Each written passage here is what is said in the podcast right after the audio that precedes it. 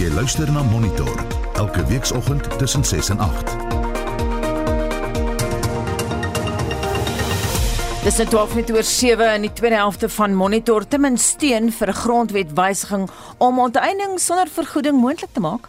Majority of those who lead the ANC today were themselves spies and they were captured when they were young and they can't offend those who handled them when they were young because their files will be released. En dan praat ons ook met 'n kenner oor die jongste verwikkelinge. En die Protea speel vanaf 26 Desember 3 toets en 3 eendagwedstryde teen Indië. Goeiemôre, welkom by Monitor X Oudo Karelse. En ek is Anita Visser.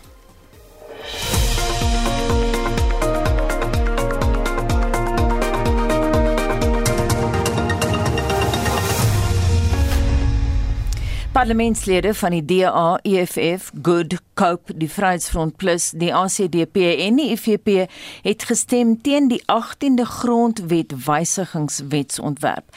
Tydens 'n stemming het 204 parlementslede ten gunste van die wetsontwerp gestem en 145 daarteen. 'n 2/3 meerderheid van 267 stemme was nodig om die wet deur te voer. Indien die wetsontwerp goedgekeur sou word, sou dit onteiening van grond sonder vergoeding toegelaat het. Estie de Klerk het al die besonderhede. Tydens die debat het die ANC parlementslid Matole Motshekga LPS meegedeel dat Nederlands en Britse settlers inheemse Afrika mense met geweld van hulle grond onteien het. Today, we have an ample opportunity to remind all South Africans, both black and white, that the principal object of establishing of the ad hoc committee to amend Section 25 of the Constitution was to eradicate the original sin in the best interest of all South Africans, not a section thereof. It is therefore important for South Africa and the world to be reminded of the nature of this original sin to aid its understanding of this inhuman crime against uh, the African humanity. Indigenous African people were violently dispossessed of the land and its natural resources by the Dutch and British settlers. Die DA se Annelie Lotriet sê die wetsontwerp was onnodig met die 25-jarige herdenking van die grondwet. Honorable Deputy Speaker, it is very ironic that this year, where we are celebrating the 25th anniversary of the adoption of our Constitution, that we are debating an amendment to this Constitution that will have dire consequences for this country.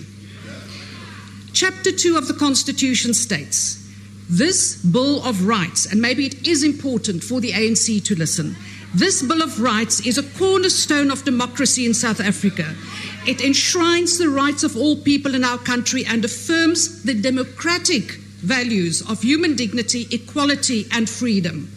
It further states that the state must respect, protect, promote, and fulfill the rights in the Bill of Rights. Although Section 25 forms part of the Bill of Rights, the founding provisions, as stated in Chapter 1 of the Constitution, cannot be ignored, specifically the rule of law. It is within this framework that this bill must be assessed. And there are two questions. First, we have to answer is it necessary to amend Section 25? And secondly, does it comply with the values and rights enshrined in the Constitution? Die EFF-leier Julius Malema het tydens die debat voor die stemming gesê sy party verwerp die wetsontwerp. Hy het gesê die EFF is nie tevrede met die huidige bewoording nie en al hulle voorstelle is deur die ad hoc komitee van die hand gewys. We reject this bill and call on millions of our people to do whatever it takes to get their land back. We tried but the parliamentary process was hijacked by the ANC and their handlers And unless we have overwhelming majority in parliament, black people stay landless in this country. Our people must take it upon themselves to ensure that they return what was stolen from them. This process is a failure. The ANC is completely captured by white monopoly capital, and it will not do anything in its power to return the land to the rightful owners. It is led by cowards who don't want to offend their handlers because majority of those who lead the ANC today were themselves spies and they were captured when they were young, and they can't offend those who handled them when they were young because their files will be released. We are dealing com- with a complete bunch of sellouts who are scared to deal with the land issue uh, decisively. We call on South Africans to know that it is now in their hands. They must stop trusting that the ANC can do anything in its power to give them the land back. They must take it upon themselves to reclaim that which was stolen from them, and the EFF will be fully behind them when they engage in that struggle of taking back the land that was stolen from them by children of criminals. Altesaam 145 LPs van die nasionale vergadering het teen die wetsontwerp gestem. Dit sluit lede in van die DA, die EFF, die Good Party, Cope, die Vryheidsfront Plus, die ACDP en die IFP. Hier word die uitslaa uitgelees deur die huis se voorsitter Cedric Frolik. Honorable members, the outcome of the division is as follows. There were no abstentions. 145 members voted against and 204 members voted in support of the bill. As the required majority has not been obtained in terms of section 74 subsection 2 of the constitution, the bill will not be read a second time. Order honorable members. Die Nasionale Vryheidsparty en die Al Jamaa is onder die politieke partye wat ten gunste van die wetsontwerp gestem het.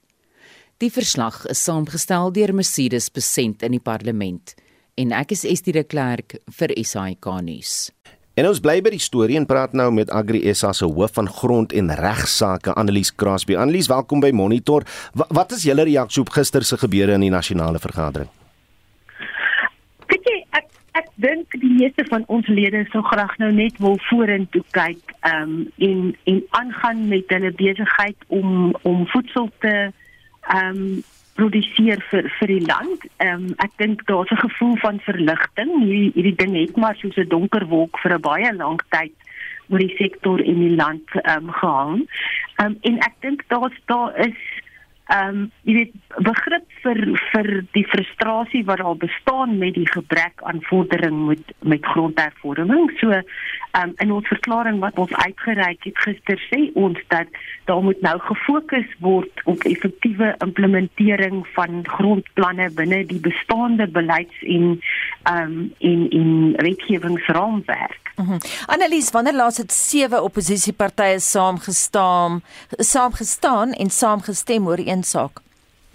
Ja, ek dink dit is nogal dis nogal raar. Ehm um, en ek dink dit dit sê iets ehm um, oor oor die hele debat. Ehm um, dat daar weet daar was baie baie organisasies en baie groeperinge en politieke partye wat van die begin af gesê het maar dit is onnodig om te peter met die grondwet en ek dink daai ehm um, soort van realiteit het, het by baie ingesink uiteindelik. Jy praat nou van die grondwet, maar Annelie Lotret het dit selfs verder gevat. Sy het gesê hierdie is die hoeksteen van demokrasie, hierdie hele storie oor onteiening. Stem jy saam dis sterk woorde om te gebruik?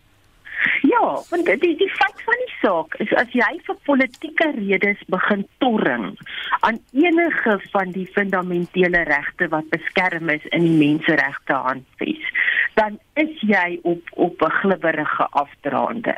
En en daar is soveel verslae en goed wat daar opgetoon het dat artikel 25 se bewoording is nie die probleem nie. Dit is nie die struikelblok in die weg van effektiewe grondhervorming nie. Om dan nou nog steeds te gaan en daai artikel te wil wysig en en radikale wysigings, jy weet hierdie staatsvoogdyskapsding wat nou nog bygekom het op hier op die laaste mm. nippertjie. Dink ek is is gevaarlik en ek dink dit dit het definitief gevare ingehou vir van die ander menseregte ook. Ek lees gister 'n artikel geskryf deur 'n voormalige Agri SA president, sy naam ontlok my nou net, maar hy sê dat daar glad nie aan die grondwet gepeter moet word soos jy nou sê nie, maar dat die landbousektor in Suid-Afrika self meer moet doen om grond te deel met hul werkers en so voort, maar ook dat die privaat sektor 'n uh, diep 'n hand in die sak moet steek om om hierdie proses by te staan. Hoe hoe voel julle daaroor? Ja, weet jy nie, ek dink dit is dit is moet 'n gesamentlike poging wees hierdie van al die rolspelers. Dit is duidelik die staat kan dit nie op hulle eie doen nie. So die private sektor het 'n rol om te speel en as ons sê dat grondhervorming misluk het in hierdie land tot dusver, um, dan dink ek moet almal 'n mate van verantwoordelikheid daarvoor vat. En dit is absoluut in die private sektor en in ons lede se belang ook dat ons moet vorder want solank as jy nie vorder nie, bly hierdie frustrasie slymerend oor die grondkwessie en en is daar altyd die potensiaal dat dit weer ehm, 'n um, politieke speelbal kan word. So en en ek dink ook jy weet as 'n mens sê jy onderskryf die grondwet, um, dan dan het almal 'n verantwoordelikheid om dit te help realiseer wat staan in die grondwet. Mm. Um, die probleem waarmee ons sit op die oomblik is die disfunksionele staatsmasjinerie. En dit is dit is ongelukkig baie moeilik om te vorder as die staat nie sy sy rol ook kan speel nie, maar dit is nie te sê dat die private sektor nie 'n rol het nie. Annelies het nou verwys na die feit dat dit moontlik weer 'n politieke speelbal kan word. Ons het nou gesien die EFF het intussen gedreig dat hy ander metodes buite die parlement sal gebruik om grond te onteien. Wat beoog hulle? Weet jy nie dit is so moeilik vir my om te spekuleer oor oor wat hulle beoog, maar ek dink dit is bekommerenswaardig. Ehm um, as as mense begin dreig met met buiteparlementêre prosesse en goedes en dit grootskaalse grondbesetting is is ook iets wat baie baie nadelige gevolge vir die land en sy totaliteit van inhou. Ehm um, en so mense hoop maar nie dat dat wet en orde in die proses gehandhaaf sal word. Wat verwag julle lê nou voor want, want die hele proses sal natuurlik bedoel soort van oor begin of dan nie want hy gaan nie weg nie. Weet jy onderliggende emosie oor grond dink ek nie gaan weggaan nie. Ek dink die die mense wat politieke munt probeer slaan uit die grondkwessie sal aanhou om dit te doen. Maar ek dink dit is onwaarskynlik dat daar binnekort weer 'n poging sal wees om die grondwet self te wysig. So die onteieningswetsontwerp sal waarskynlik voortgaan. Hy is reeds voor die parlement. Daar mag dalk ander wetgewing ook kom. Daar word al lank gepraat van herverdelingswetgewing en elkeen van daai stukke wetgewing gaan maar op sy eie meriete getoets moet word, maar die goeie ding is dat ons dit nou nog steeds aan die grondwet kan toets. Want as jy artikel 25 se beskerming sou afgewater het, dan sou jy nie enige gevaarlike wette wat nou vorentoe op die pad kon kom aan enige iets wesentlik kon getoets het nie. Nou het jy ten minste nog daai opsie om dit aan die grondwet te kan toets. Ehm um, daar is ook positiewe verwikkelinge. Daar is goed soos hierdie gemengde finansieringsprogram wat ek dink baie potensiaal inhou. Daar is die onderhandelinge rondom die landboumeesterplan wat op die oomblik aan die gang is waar die hele sektor ehm um, saam met die regering planne maak oor hoe ons ons sektor vorentoe gaan neem. So dit is darem nie net negatiewe goed nie, daar's definitiewe uh, ligpunte ook. Kan jy 'n bietjie uitbrei daarop? Die ligpunte? Ja, ja. Ja, so die die gemengde finansiering berus op die basis dat die staat ehm um, 'n 'n toekenning 'n sogenaamde grant beskikbaar stel ehm um, vir mense wat wil gaan boer En dit maak dit baie makliker vir die finansiële sektor om dan die res van die geld te leen want dit verminder die risiko. So dit maak die deur ook vir baie meer swart boere wat nie andersins finansiering sou kon gekry het nie om te begin boer. Dit maak ook die deur oop vir vennootskappe van bestaande kommersiële boere wat saam met swart vennote um, in boerdery wil ingaan of boerderye wil uitbrei ensovoorts. So as daai ding net eers van die grond af kan kom, dink ek gaan dit die deur vir baie meer mense oopmaak. Ehm um, die die sektorplan kyk spesifiek na wat kan jy doen om die sektor meer winsgewend te maak om dit meer toeganklik te maak vir meer mense. Wat is die spesifieke struikelblokke wat wat aangespreek moet word? Wat is die um, sogenaamde low hanging fruit goed wat gedoen kan word om um vinnig um jy weet vordering te maak met met goed soos um die uh, transformasie in die sektor en die bevordering van winsgewendheid en al daai klas van goed. So dis 'n dis 'n wye reeks faktore wat daarna gekyk word um en waar dan nou gesamentlik planne gemaak word oor hoe kan ons die sektor vorentoe vat. En dit was AgriSA se hoof van grond en regsaake, Annelies Crosby. Suid-Afrika en Ghana het bilaterale ooreenkomste onderteken wat handel en beleggings tussen die twee lande deur middel van landbou en ander sektore 'n hupstoot sal gee. Dit volg na president Cyril Ramaphosa se pas afgelope besoek aan die Wes-Afrika land. Vincent Mofokeng berig. President Ramaphosa se besoek aan Ghana is deel van sy reis na vier Wes-Afrikaanse lande om inter-Afrika handel en beleggingsmoontlikhede te ontgin. Suid-Afrika en Ghana het 'n bi-nasionale komitee op die been gebring om politieke en ekonomiese vennootskappe in albei lande te verstewig. We have discussed exploring possible new areas of economic, trade and investment cooperation, especially in Ghana's key sectors such as roads, railway infrastructure, mining, energy, manufacturing, as well as agro-processing. Suid-Afrika is een van Ghana se grootste direkte buitelandse beleggers in onder meer mynbou, telekommunikasie en kleinhandel. Albei lande wil die Afrika-kontinent se vrye handelsgebied inspann om hulle ekonomie te dryf. Nana Akufo-Addo is die Ghanese president. We're united by their common determination to free our peoples from foreign domination and racist exploitation. So we are united in our determination to win the battle for rapid economic development by helping to intensify the value adding industrial transformation of our economies, anchored on the things we make and grow. Terwyl die wêreldekonomie probeer herstel van die ontwrigtende effek van die COVID-19 pandemie, hou die nuwe variant Omicron 'n bedreiging vir Afrika se ekonomiese herstel in. Terwyl sommige westerse lande 'n reisverbod geplaas het op Suid-Afrikaanse lande, het Ramaphosa ander Afrika lande gevra om nie die voorbeeld te volg nie. Hy sê dit kan hulle ekonomie verder ontwrig. We are driving the health recovery of our continent because we want our continent to be open for business, not to be closed down by travel bans. We are part of driving Africa's recovery and not wanting to hold Africa back. Suid-Afrika en Ghana sê gewapende konflik en onsekerheid hou 'n risiko in vir die vasteland se ontwikkeling. Albei lande het onderneem om terreuraanvalle en insypelaars in hulle geleedere aan die kaak te stel. Die verslag is saamgestel deur Nabil Ahmed Rufai in Accra, Ghana. Ek is Vincent Mufokeng vir SAI Garnis. Jy luister na Monitor elke weekoggend tussen 6 en 8. So 'n paar sekondes voor 08:30 in in die nuus, die nasionale vergadering straf twee EFF-lede omdat hulle in 2019 'n toespraak van minister Pravin Gordhan ontwrig het. Die Hooggeregshof lewer vandag uitspraak in die saak van 6 tieners wat beskuldig word van die moord op Doris Temane. En India kom 3 toets en 3 eendag wedstryde teen die Proteas speel.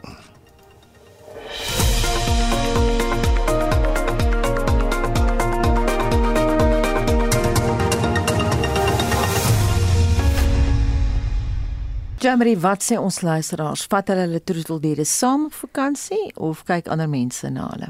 Tia skryf, ehm um, kry 'n pet nanny by om by jou huis te bly. Dit beteken dat jou hondekinders nie blootgestel word aan 'n vreemde omgewing nie en die stres is minder op hulle en op ons. Jy kry daagliks video's en fotos en selfs video oproepe. Adal skryf niemand kan na my diere kyk soos ek nie. Augustus was ons see toe met twee German Shepherds en 'n poedel. Hulle is mal oor karry en was nog altyd soet in die voertuig. Hulle was net 'n plesier op die pad, net nodig gehad om een keer 'n draai te loop. Tweede stop het hulle geen behoefte gehad gehad nie. By ons bestemming was daar ook geen probleem nie. Heininge was perfek, geen plek waar honde kon uitkom nie, maar hulle was die hele tyd by ons en het die daaglikse uitstappies na die strand baie geniet. Wat lekker was is dat ons as gevolg van die honde se beskerming verlate strate kon besoek sonder om bekommerd te wees oor ons veiligheid. Die vakansie was net 'n plesier, skryf Adel. Annie skryf ook op Facebook: "My noenaatjie gaan hou vakansie by die vrou wat haar gereeld pad en sny. Ons betaal per dag vir haar verblyf en doen dit met liefde vir ons hondjie. Desember gaan sy egter saam met ons. Ek sal nie na verso na 'n versorgingsoord gaan as my hond nie kan saamgaan nie. Te lief vir diere. En dan Jacqueline wat sê ons het twee hondekinders, een katkind. Ons kry 'n vriend of 'n familielid om te kom huis sit en dan bly ons nooit langer as 2 weke weg nie. Ons verlang heeltemal te veel. En dan van Facebook oor na die WhatsApp lyn hier's wat jy met ons deel. My vriend Freddy Boters, hy ry sy hondjie so saamgery elke jaar. En toe gaan die hondjie dood toe hom veras nou ry hy net die as saam. Goeiemôre. Ons het twee katte gehad en hulle het altyd saam gegaan. See toe, die rit was vir hulle bietjie traumaties. Hulle het baie gemoun en gekla, maar dan het ons maar net altyd vir die katte gesê, "Julle kon by die huis gebly het." En as ons by die vakansieplek gekom het, was dit vir hulle 'n wonderlike nuwe avontuur asof hulle self ook nodig gehad het om 'n bietjie 'n change of scene te hê. My goeie ou vriend is na 14 jaar oorlede, maar nou kyk ek uh, met liefde na mense wie ek ken, se dierekinders wat by die huis bly. En dit gee hulle gemoedsrus en dit gee my ook sommer weer 'n bietjie 'n ander perspektief. Dis Magda van 'n berg van Meyerton. Oor die algemeen bly ek elke vakansie by die huis gaan maar nêrens heen nie, dit is veiliger by die huis en ons kyk self na ons hondekind elk geval kan niemand na my hondekind kyk soos wat ek na haar kyk nie. Sy is my gewoond, sy ken my, sy verstaan my as ek met haar praat en uh dis maar beter so. Ek vertrou nie ander mense by my hond nie. Nee, wat? Ouma se pakkenuus kan hulle maar net hierso los as ons hom uh by iemand anders te los. Wie se ore en goed gaan hy dan byt en lek? Nee, wat? Hy bly maar net hier by sy ouma. Wie se ore gaan hy by? Bitter oulik. Nou ja, ons luisteraars vra handel vanoggend oor die wat dalk in Desember en Januarie weggaan en hoe jy dan reëlings tref met jou troeteldiere. Wie kyk na hulle terwyl jy met vakansie is? Stuur vir ons 'n SMS vir oulaas uh, 45889. Dit kos jou R1.50. Gaan praat saam op Facebook of jy kan dan natuurlik ook 'n stemnota stuur. Die nommer is 0765366961. Reg, kom ons beweeg na die sportveld met Shaun Jooste.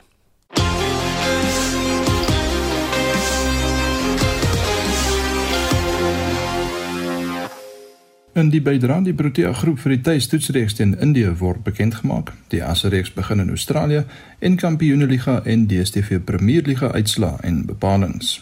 Cricket Suid-Afrika het 'n groep van 21 spelers vir die Proteas se tuisreeks van 3 toetse teen Indië bekend gemaak. Ou bekendes soos die paaltjiemagter Quentin de Kock en snelbowlers Anrich Nortje en Kagiso Rabada is terug in die span en 'n paar nuwelinge is ook ingesluit. Dit is onder andere die kolwe Ryan Rickelton die bowlers Susanne Magala en Glenton Stuurman en die veelsidige spelers Marco Jansen en Sarel RW. Die eerste toets begin op 26 Desember in Centurion. Die Asreeks tussen Australië en Engeland het vanoggend 2 uur in Brisbane daar in Australië begin.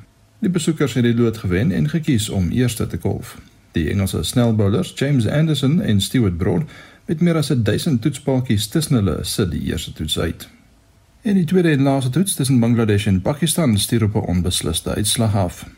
Bangladesh het dag 4 op 76 vir 7 in hul eerste beurt geëindig, nadat Pakistan ook hulle eerste beurt op 300 vir 4 verklaar het. Terug op plaaslike bodem het India A dag 2 van die derde en laaste vierdagwedstryd in Bloemfontein teen Suid-Afrika A op 229 vir 6 in hulle eerste beurt in antwoord op Suid-Afrika se eerste beurtelling van 268 geëindig. Luther se Pamela die beste onder die Suid-Afrikaanse bowlers gevaar en staan op 3 vir 63. Sokker, die Kampioenliga se groepsfase word vanaand afgehandel. In van gisteraand se wedstryde het Liverpool weg 2-1 teen AC Milan en Atletico Madrid ook weg 3-1 teen FC Porto gewen. Real Madrid het Inter Milan met 2-0 geklop, Paris Saint-Germain Club Brugge met 4-1 afgeronsel en RB Leipzig het Manchester City met 2-1 uitoorlê. Vanaand hier kom Chelsea onder andere teen Zenit St Petersburg, Atalanta teen Villarreal, Manchester United teen Young Boys en Bayern München teen Barcelona te staan, om net 'n paar te noem. En laastens in die DStv Premier Liga het TS Galaxy gisteraand 3-1 met Chippa United en Cape Town City 3-2 met Maritzburg United afgereken. Vanmiddag half 4 draf Mamelodi Sundowns teen Royal AM, 5-4 Baroka FC teen Morocco Swallows en Sekhukhune dieselfde tyd teen Marumo Gallants op die veld uit. Stellenbosch FC meet ook 5-4 teen SuperSport United en AmaZulu half 6 teen Orlando Pirates kragte. Kaiser Chiefs het uit hul wedstryd teen Golden Arrows onttrek nadat 'n verdere 5 personeellede positief getoets het vir die koronavirus. Chiefs het ook nie Saterdag vir hul wedstryd teen Cape Town City opgedaag nie en dit was nadat 31 personeellede positief getoets het. Shaun Schuster, RSG Sport. Presies 20 minute voor ons huis toe gaan nou. Ons praat bietjie verder oor die India Cricket Tour met Tinus van Staden, 'n cricketskrywer vir Netwerk 24. Tinus, welkom terug by Monitor eerstens. Goeiemôre, baie dankie. Met, met alles wat gebeur, sal ek dit net glo as ek dit sien. Weet ons wanneer India in Suid-Afrika gaan land? Nee, interessant jy vra my. Ek het gister gepraat met die ehm um, bestuurder van die hotel waar hulle gaan bly. Hulle gaan by die Irene Country Lodge bly. Dit is waar die Proteas gewoonlik bly hmm. waar hulle hulle bierborrel het. Ehm um, en, en hy en hy het gesê vir veiligheidsredes ehm um, kan hy kan hy nie sê wanneer hulle in die land aankom. Jy nou kan jy dink hulle is nou in 'n bierborrel en en hulle het so baie ehm um, fanatiese ondersteuners nou nou stop iemand uh, die nou probeer iemand die bus stop om homself hier saam met Virat Kohli te neem want dit gaan nou nie werk nie. So maar ja, hulle hulle sê hulle kom ehm um, so hopelik binne hulle dit moet seker binne die volgende paar dae wees. Nou as India Irene toe gaan, waar gaan die Proteas dan bly vir hulle 'n bioborrel? Die Proteas gaan soos ek dit verstaan volways in 'n hotel bly. So dit gaan 'n bietjie anders wees. Ehm um, gewoonlik hou hulle daarvan om by Irene te bly. Hmm met met die uh, wat hulle in die natuur kan wees, 'n uh, bietjie uit kan kom, maar dit is so voort. Ja. Ja.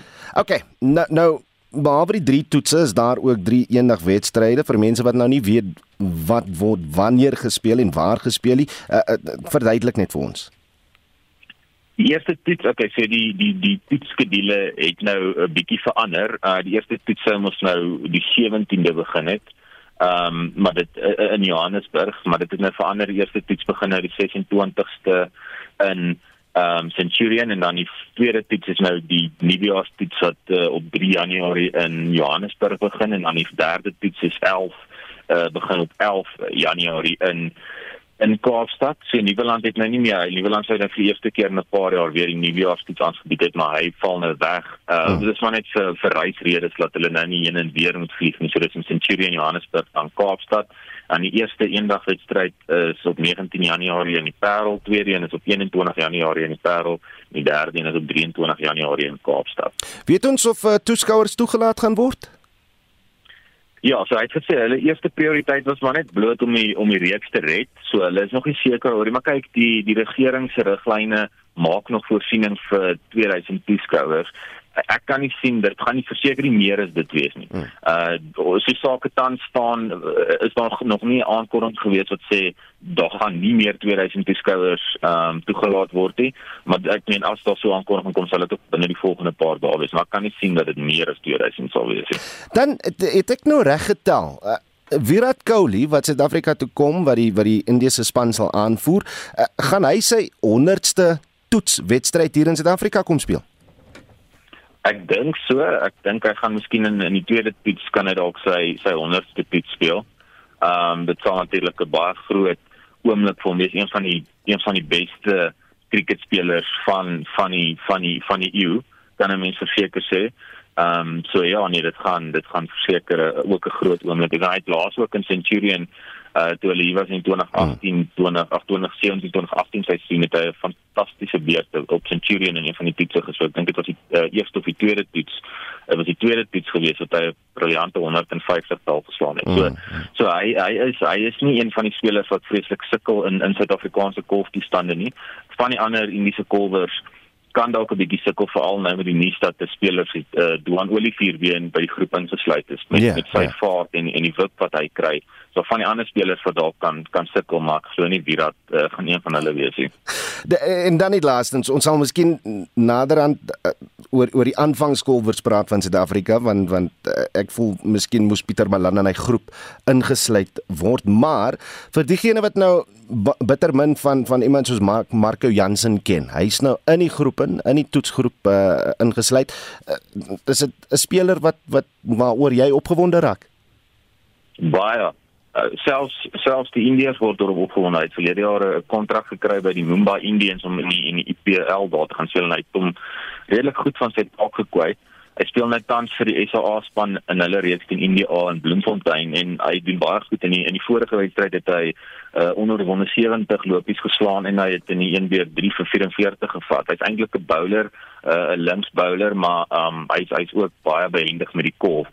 So daar's verseker spelers soos hy wat uh, wat mense opgewonde maak is Ryan Ryan Rickelton wat 'n mm. kans gekry het, Glenn Stuurman in die groep. So daar's daar's 'n hele paar jong spelers ook in die groep um, wat mense opgewonde maak.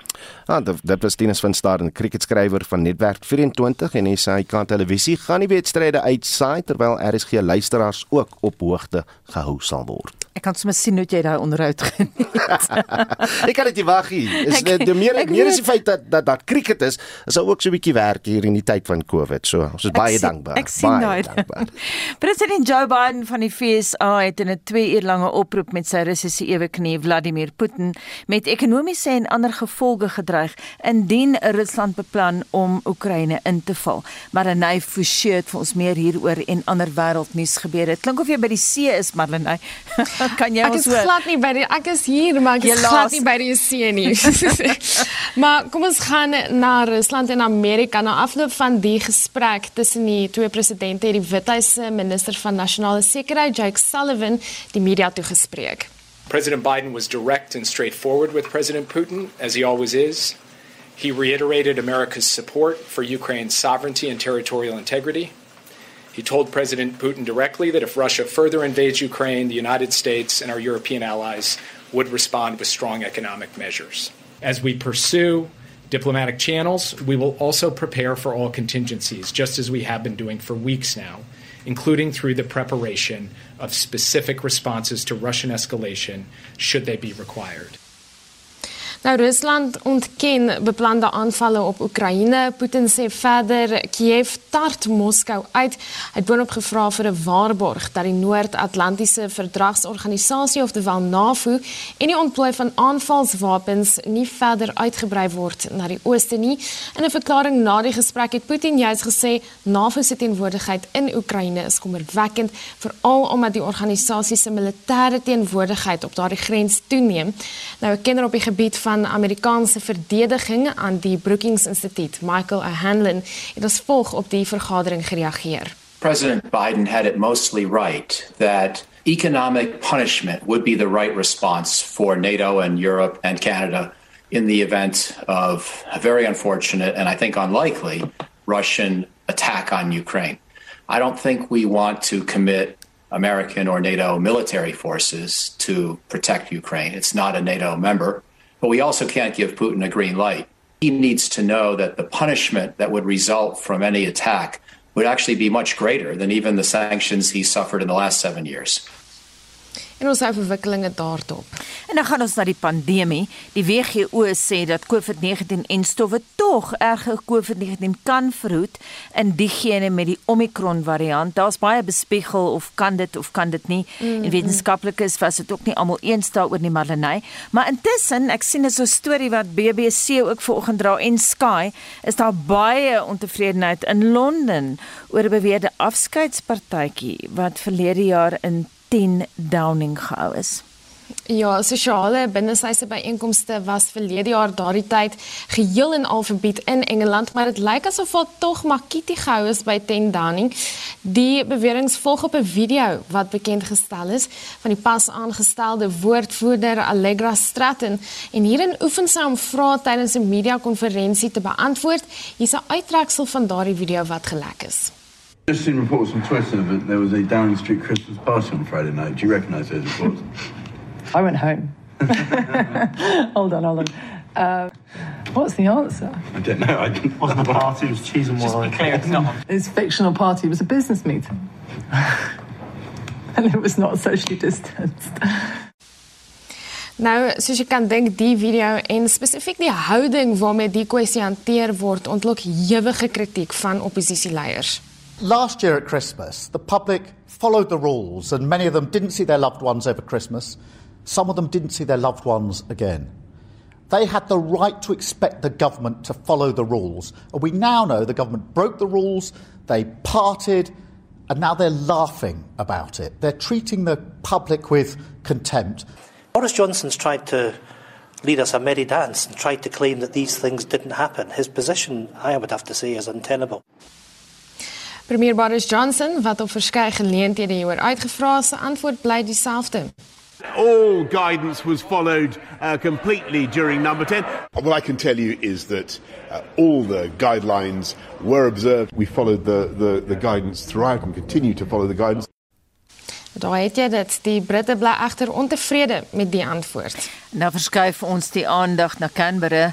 Australië het aangekondig dat hy saam met die VSA gaan deelneem aan 'n diplomatieke boikot van die Beijing Winter Olimpiese Spele. Dis ook nie die enigste land nie, né? Ja, en hoewel Australiese atlete steeds aan die spele in China gaan deelneem, sal dit deur geen diplomate bygewoon word nie. Nou volgens premier Scott Morrison bly China vra oor onder meer menseregte skendings ontwyk. Die land se leiers, soos die ministers byvoorbeeld kon boonop die afgelope 2 jaar geen direkte telefoonoproepe met hulle Chinese eweknie maak nie en daar's ook geen vergaderings van aangesig tot aangesig gehou nie. We have always been open to meet with the Chinese government to talk about their concerns, whether it's their concerns with our foreign interference legislation or other foreign investment rules, where Australia takes a very strong stand, standing up for Australia's interests. Uh, they've been very critical of Australia in our efforts to ensure that we have a strong national defence force, particularly in relation, most recently, to our decision to acquire uh, nuclear powered submarines. Nou die stap is nie onverwags nie want China en Australië um, stamp nou al reeds 'n geruime tyd lank koppe oor kwessies soos die hantering van daardie massa pro-demokratiese betogings in Hong Kong en beweringe van menseregte skendings van die Uyghur gemeenskap in China. China waarskyn tussen dat hy skerp op die land en ander lande se besluit om die spele op 'n diplomatieke vlak te boikot gaan reageer. En dit was Marlenae Forsie. Reg die dominee digter Patrick James Peterson wat van jaar 70 sou word, word Vrydag aan by die Afrikaanse Taalmuseum in die Parel gehuldig met die bekendstelling van 'n spesiale versamelbundel met gedigte, toesprake en onderhoude. Ons praat nou met die samesteller, professor Hein Willemse van die, die Universiteit Pretoria. Professor, môre welkom by Monitor. Wat is die titel van die versamelbundel en hoe sou jy Patrick Peterson se rol in die Afrikaanse letterkunde beskryf? Wel, die titel is uh, Ons het ver versit wat uh, teruggaan na Patrick Peterson se uh, sin van reis en op reis wees hmm. en so meer.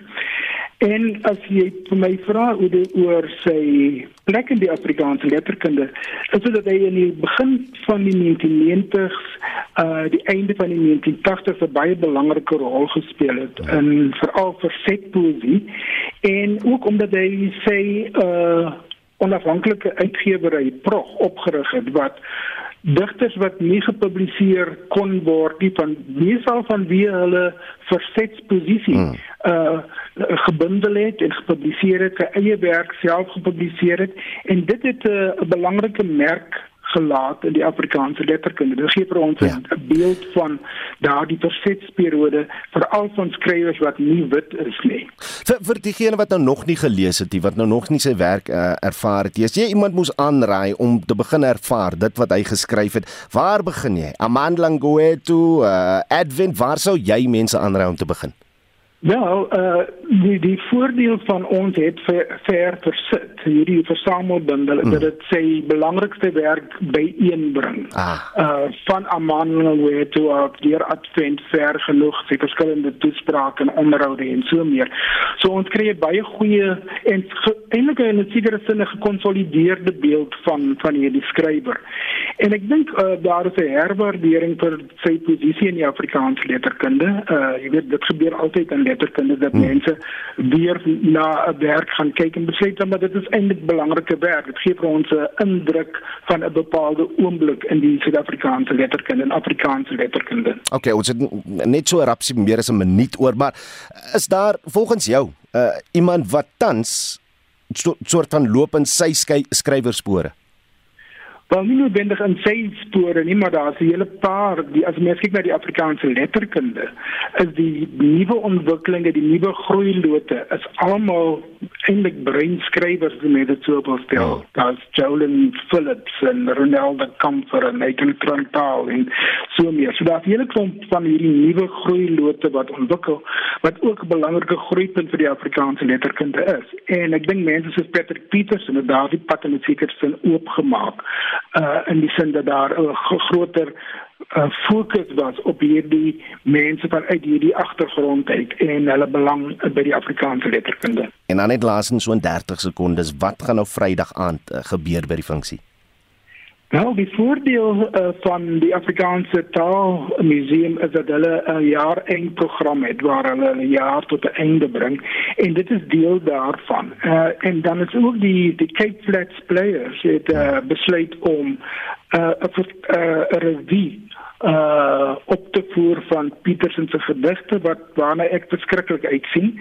En dan is daar 'n uh, video wat van sy lewe gemaak het met mense wat oor hom praat en so meer. En dan is daar ook 'n paneelbespreking. So dit is 'n redelike vol program wat die Afrikaanse Taalmuseum uh vir ons uh georganiseer het.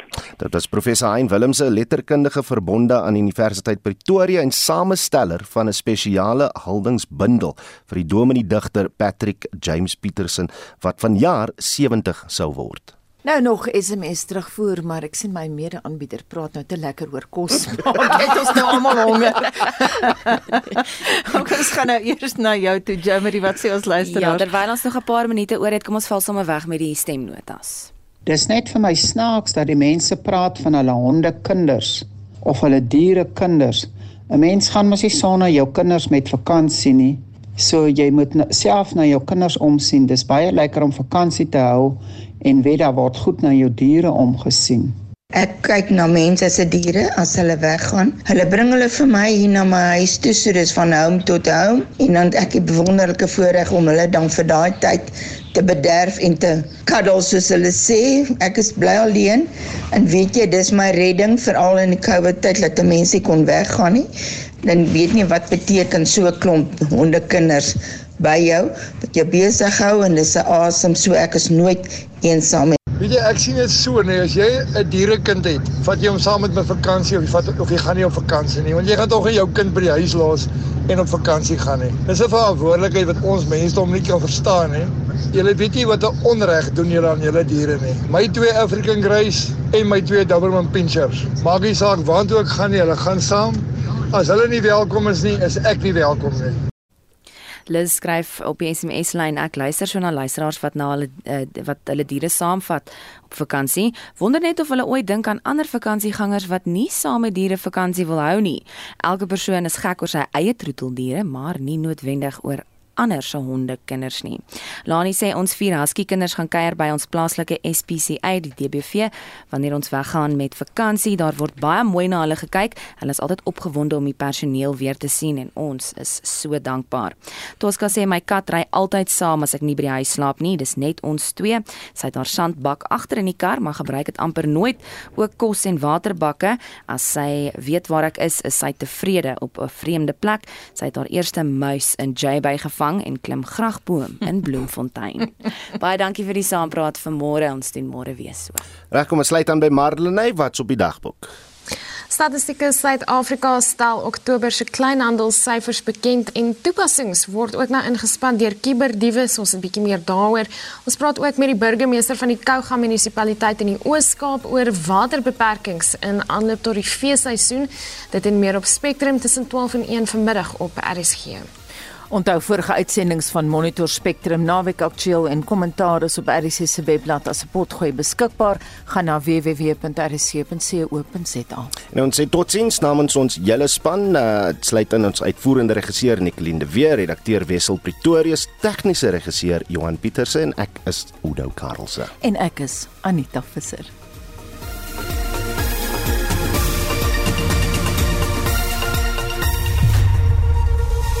SAK nuus. Onafhanklik, onpartydig.